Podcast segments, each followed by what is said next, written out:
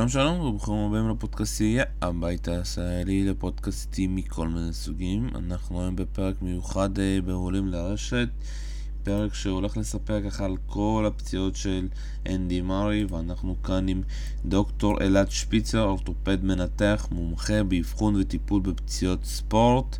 אה, מה שלומך אלעד? מצוין. אז אתה יודע, אנחנו הולכים לדבר היום על אה, פציעות וקצת אה, נספר ככה על הקהל שקצת לא היה איתנו בזמן האחרון, אנדי מארי עם איזושהי, ככה אפשר להגיד, מסיבת עיתונאים בתחילת אה, ינואר, אה, מאוד אפשר להגיד אה, קשה, שהוא אומר שיש לו כאבים והניתוח אה, שהוא עבר ב-2018 לא עזר לו שהוא משחק טניס והוא מרגיש כאבים וכנראה שהוא הולך לעשות עוד ניתוח אחרון והוא לא יודע אם הוא יחזור ממנו במידה והכאבים לא יחזרו הוא כנראה יפרוש בווימבלדון. וקצת אנחנו חוזרים קצת אחורה אז הבן אדם אה, אפשר להגיד הפציעה התחילה במשחק מול סאם קווירי בווימבלדון ומשם הוא עשה איזושהי מנוחה שלא עזרה לו אחרי זה ניתוח ראשון בשמיני לינואר 2018 שגם אפשר להגיד אה, לא כל כך עזר לו ואז ניתוח אה, שני אה, ממש עכשיו 29 לראשון 19 וזה ככה אפשר להגיד ההקדמה לגבי הפציעות יש לו גם עוד פציעות ובאמת השאלה אה, מה מהפציעות שמרי סבל ככה לאורך כל הקריירה שלו בטניס אני חושב שלפני שנדבר על הפציעות עצמן, חשוב להבין מה הסיבות לפציעות בספורטאים אה, בכלל ובפרט בטניס. הסיבות לפציעות אצל ספורטאים, בעיקר בקרב ספורטאי אה, צמרת, הם בעיקר overuse, זה בדרך כלל לא קורה כתוצאה מאיזושהי חבלה ישירה, אלא בגלל אה, מה שנקרא פעולה רפטטיבית חוזרת ונשנית, שיכולה לגרום לפציעות כאלו ואחרות. רוב הפציעות ניתנות למניעה אם מבינים את האנטומיה הפשוטה של גוף האדם, ואם נולדנו מאוזנים לצורך העניין, אנחנו השתמשנו בידיים, גם ביד ימין, גם ביד שמאל. ביום יום, ובפר... ביום יום אנחנו שמים את התיק על צד אחד, ובספורט, כמו טניס, אנחנו משתמשים ביד אחת שבה היא יותר דומיננטית, וככה אנחנו בעצם יכולים מצד אחד להיפצע, אם אנחנו לא יודעים לאזן ולעבוד גם על היד השנייה. והדבר השני שאנחנו צריכים להבין זה השרשרת הקינטית, ש... אמ, השרשרת הקינטית היא מוגדרת כ...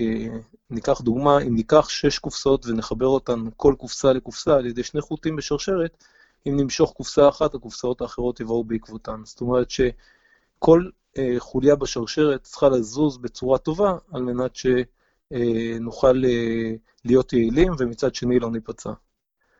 אה, ככל שיותר חוליות בשרשרת יהיו משוחררות, כמובן כך נוכל להיות פחות פגיעים לפציעות. אה, ואיך זה קשור, אה, האם זה קשור רק לגוף האדם? אז לא, לא, לא בהכרח. זאת אומרת, אה, סוג הספורט, כמו טניס, אנחנו יודעים שאנחנו משתמשים, כמו שאמרתי, ביד אחת. בספורט הטניס אנחנו משנים הרבה כיוון, יש לנו הרבה שינויי מהירות, עצירות, כל הדברים האלה, כולל סוג המשטח שעליו אנחנו משחקים, יכולים לגרום לפציעות. הפציעות שאנדי מריה נפגע מהם, ב-2007 היה לו איזשהו גיד תפוס בשורש כף יד, במשחק בגרמניה, ב-2009 שוב פציעת שורש כף יד, ב-2011 אה, פציעת מרפק, אה, זה בגפה העליונה, ובגפה התחתונה הוא, הוא אה, נפגע בעיקר בברך ובקרסול, שעל הפרק ערך נדבר אחרי זה נראה לי. אה, ובואו נתחיל תודה דווקא אה, לדבר עם הפציעה הראשונה המשמעותית שלו, שבגלל זה הוא ככה, תודה, אפשר להגיד, נהדר הרבה זמן, וזה הפציעת הגב שלו. אה, כמו שאתה יודע, עשינו ככה בדיקה ככה לאורך הזמן, היו לו הרבה פציעות גב, ודווקא ב-2013 הוא יכול גם לעשות את הניתוח. בואו קצת תסביר, אתה יודע, על סוג הניתוח ולמה עושים ניתוח כזה בגב, ואיך זה עוזר, אתה יודע. אז נתחיל ב-2005, כשאנדי מר התחיל בעצם את הקריירה המקצועית שלו, הייתה לו פציעת גב שבגללה הוא נח שלושה חודשים. אה, גם ב-2006, אז אה, אנדי, אנדי מר מ-2005, מתחילת הקריירה המקצועית שלו, הוא סבל מכאבי גב. אה, ב-2005 הוא אפילו נח שלושה חודשים כתוצאה מהכאבי גב שהיו לו. ב-2006 הוא גם סבל מגב תפוס, ב-2012 הוא סבל מהגב, כשאם אנחנו אה, מדברים על הניתוח, רק ב-2013 בעצם הוא עבר את הניתוח, שהוא ככל הנראה, לפי העיתונות, אנחנו לא יודעים את זה ממקור ראשון כי לא דיברנו איתו, אבל כנראה הוא סבל מדיסק, פריצת דיסק שבין L4 L5, שכנראה גרמה לו לאיזושהי הקרנה לרגל או ימין או שמאל, אנחנו גם את זה לא יודעים, והוא גם לא הצהיר על זה בתקשורת בכוונה, ובעקבותה הוא עבר ניתוח שנקרא מיקרודיסקטומי, שזה בעצם ניתוח שהוא שחרור של חלק מהדיסק עצמו, או חותכים את חלק מהדיסק עצמו, ובעצם עושים למינקטומי, שזה בעצם שחרור של העצב עצמו, כדי שלא יהיה את ההקרנה הזאת לרגל. בוא קצת תסביר ככה מבחינה, אתה יודע, קצת לאנשים שקצת לא מבינים בניתוחים. מה, שוב מה הבעיה בפציעה הזאת בגב? מה זה אומר שאתה אומר מקרין? איזה בעיות זה יוצר? אנחנו יודעים שעמוד השדרה בנוי ממספר חוליות, אם זה צוואריות, אם זה גביות, לומבריות, שזה החלק של עמוד שדרה מותני, וסקרליות. אנחנו יודעים שבמקומות שבהם יש יותר תנועה, זה בעיקר בצוואריות ובמותניות, מכיוון שיש לנו דיסקים שהם נמצאים בין החוליות עצמם, בין העצמות של החוליות, לבין ה... ובין החוליות עצמן יש לנו דיסק שהוא בעצם יוצר את המצב של תנועה. ברגע שאנחנו מתכופפים בעיקר קדימה, לפנים, אנחנו יכולים לפרוץ את הדיסק לאחור, זאת אומרת, הדיסק שנמצא בין החוליות הוא רקמה רכה, שיכול לפרוץ או אחורה או אחורה הצידה, ובדרך כלל הוא פורץ אחורה והצידה, מהסיבה הפשוטה שיש לנו מה שנקרא רקמה, רקמת חיבור שנמצאת בחלק האחורי, שהיא מאוד מאוד קשה, ולכן אין ברירה לדיסק, שהוא יחסית יותר רך, לפרוץ לחלק הצידי. בין החוליות עצמם יש לנו בעצם, בתוך עמוד השדרה יש לנו בעצם את חוט השדרה, שממנו יוצאים עצבים, שהם מקרינים לכיוון, הם בעצם נותנים לנו את כל העצבוב המוטורי, שאנחנו יכולים להזיז את הרגליים ואת הידיים, וגם את החלק התחושתי, שאנחנו נוכל להרגיש שאנחנו נוגעים בנו או שאנחנו נוגעים במשהו. ברגע שהעצב הזה נלחץ על ידי הדיסק עצמו, הוא בעצם יוצר לחץ, והדיסק עצמו מתפקד בצורה פחות טובה, יש לנו חוסר תחושה או של נימול שנקרא כמו חשמל, או שאנחנו בעצם יכולים לאבד אפילו את ה... במצבים קשים, אפילו את היכולת להזיז את הכף רגל, או להזיז איזושה... לבצע איזושהי תנועה. אז מה שהוא עבר בעצם זה ניתוח שנקרא דיסקטומי, זאת אומרת את הרקמת חיבור שנמצאת בין החוליות, כרתו חלקית על מנת למנוע את הלחץ הזה, ויצרו איזושהי תעלה שהיא תעלה שתשחרר את העצב עצמו על מנת שלא יהיה לחץ עליו, ואז התחושה תחזור, וגם המוטוריקה, אם היא נפגעה, תוכל לחזור לכמו שהיא הייתה. אפשר להגיד שהפציעה הזאת זה משהו שהוא כאילו בגלל איך שהוא, אפשר להגיד, בנוי, הסגנון משחק שלו, משהו מולד אפשר להגיד?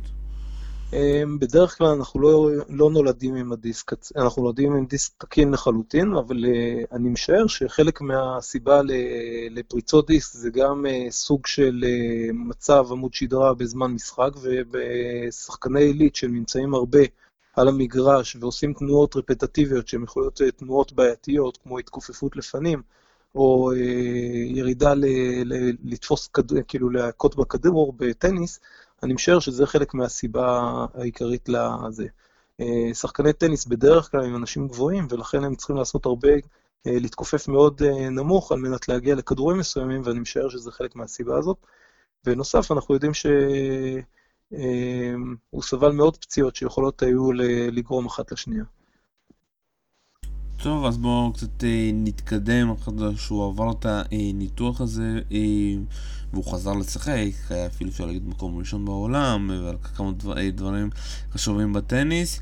הגיעה פציעה אחרי המשחק המפורסם מול סאם קווירי, ואז התחילה, אפשר להגיד, רצף של ניתוחים, אתה יודע, והניתוחים, והבעיה התחילה להיות בפרק ירך. הניתוח הראשון שאנחנו מדברים עליו זה השמיני בראשון 2018, מה הניתוח היה ולמה הוא עשה אותו, וכולי וכולי.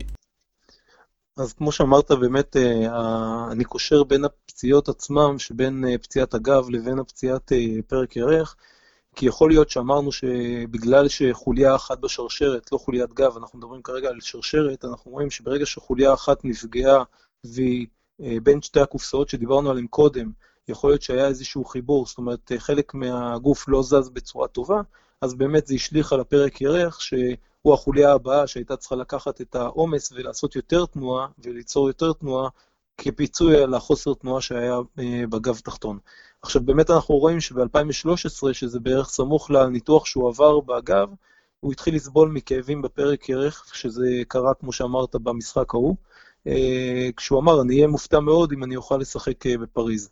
אז כמו שאמרת, הניתוחים, הניתוח שהוא עבר, ב-2018 בינואר, זה נקרא היפרטרוסקופי,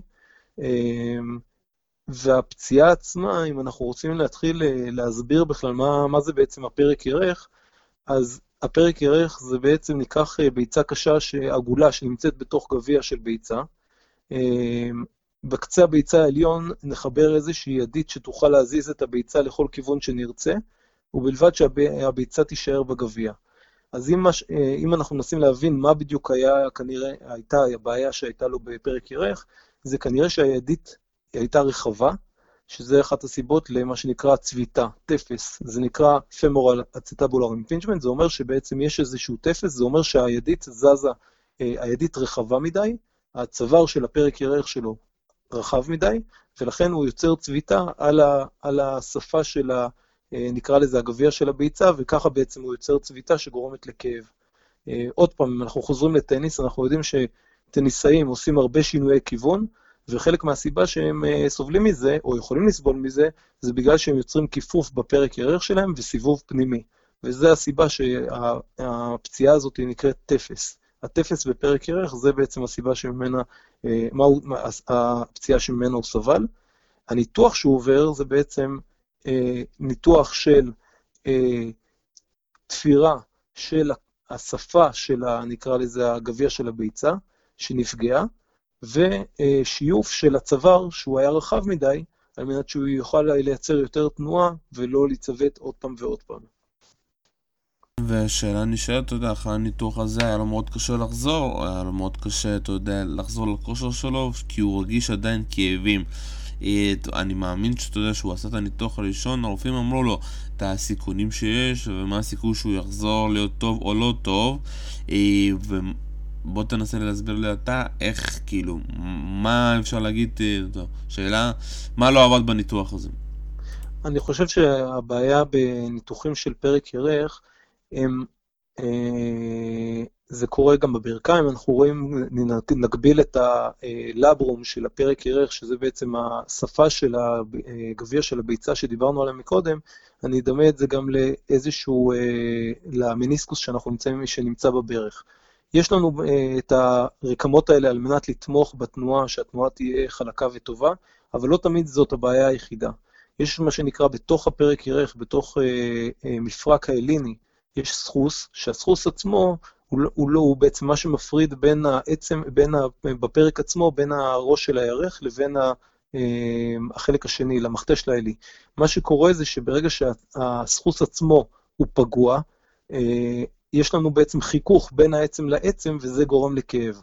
עכשיו, הבעיה שלו כנראה היא לא הייתה רק העניין שהשפה לא הייתה בסדר, או הצוואר לא היה בסדר של הירך, אלא היה פה העניין של גם סחוס עצמו, שהיה פגוע בתוך הפרק ירך, מה שנקרא אה, ניוון של הסחוס, או במילים אה, יותר מקצועיות זה osteoarthritis, זה מה שאנחנו קוראים ל osteoarthritis של פרק ירך.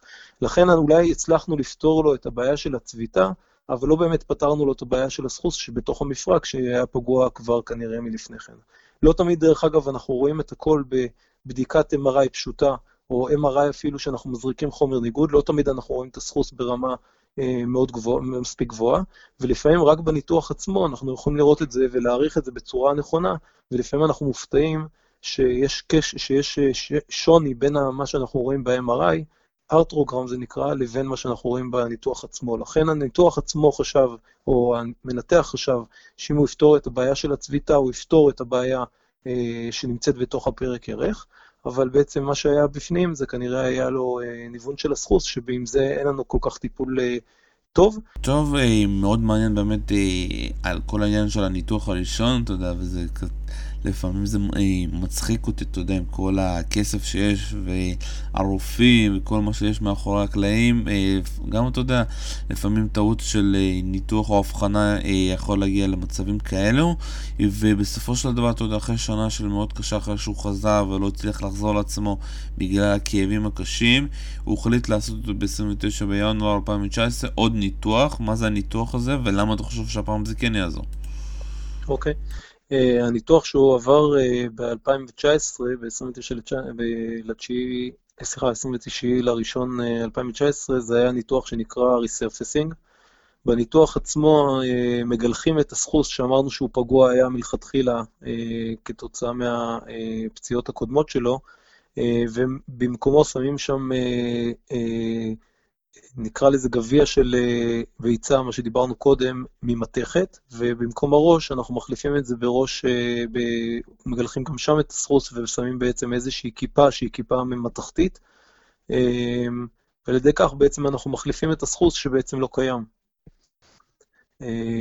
החסרונות בניתוח מהסוג הזה, היתרונות, סליחה, בניתוח הזה, זה שאנחנו שומרים על העצם.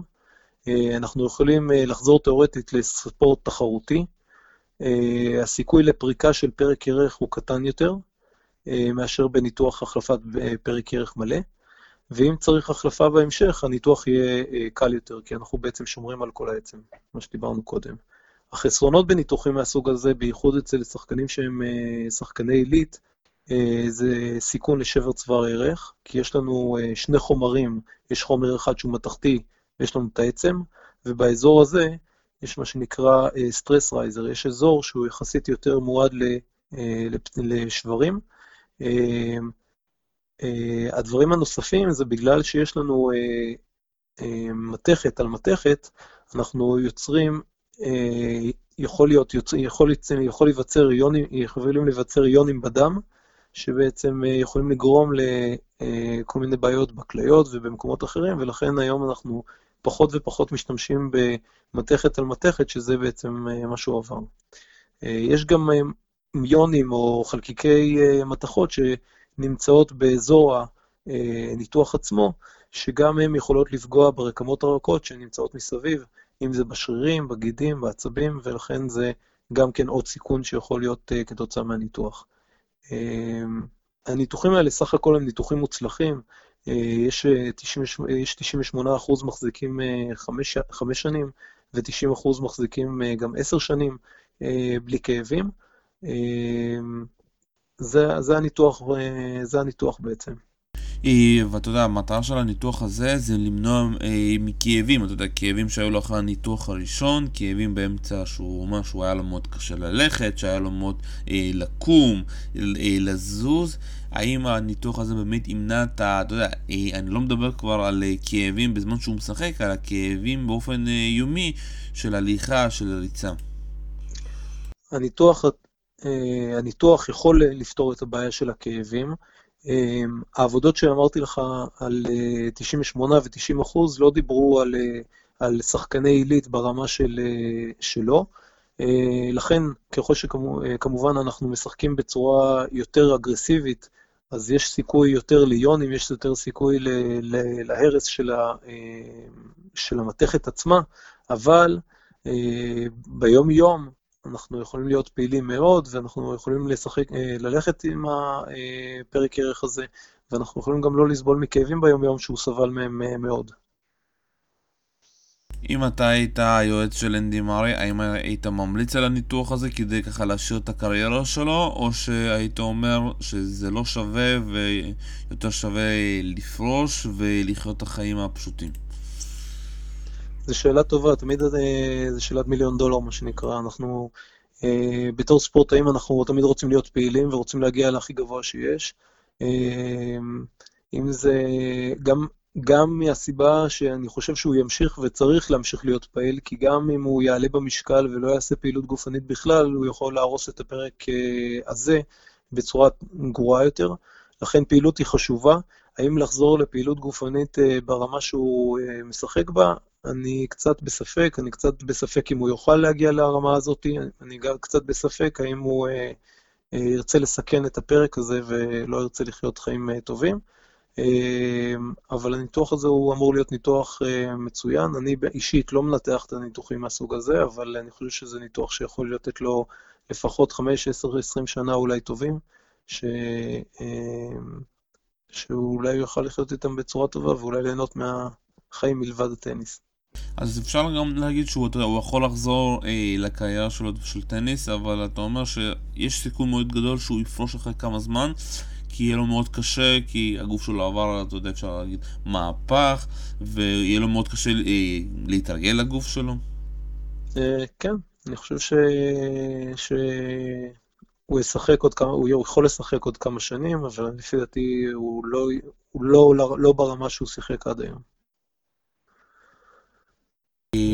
איזה עוד דברים אנחנו יכולים ככה לדבר? טוב, בואו קצת נדבר ככה באופן כללי על פציעות. אה, מבחינה מנטלית, כמה, עד כמה הפציעה הזאת שהייתה אצלו, אתה יודע, שאנחנו כבר שמענו שהוא לקח אותה מאוד קשה, עד כמה, אתה יודע, תהליך השיקום הוא מאוד קשה. אני מאמין שאחרי הניתוח הזה יש איזשהו תהליך שיקום ארוך, אה, מה הדברים שעושים בתהליך שיקום? אה, באופן עקרוני, שישה שבועות הוא כמעט ולא...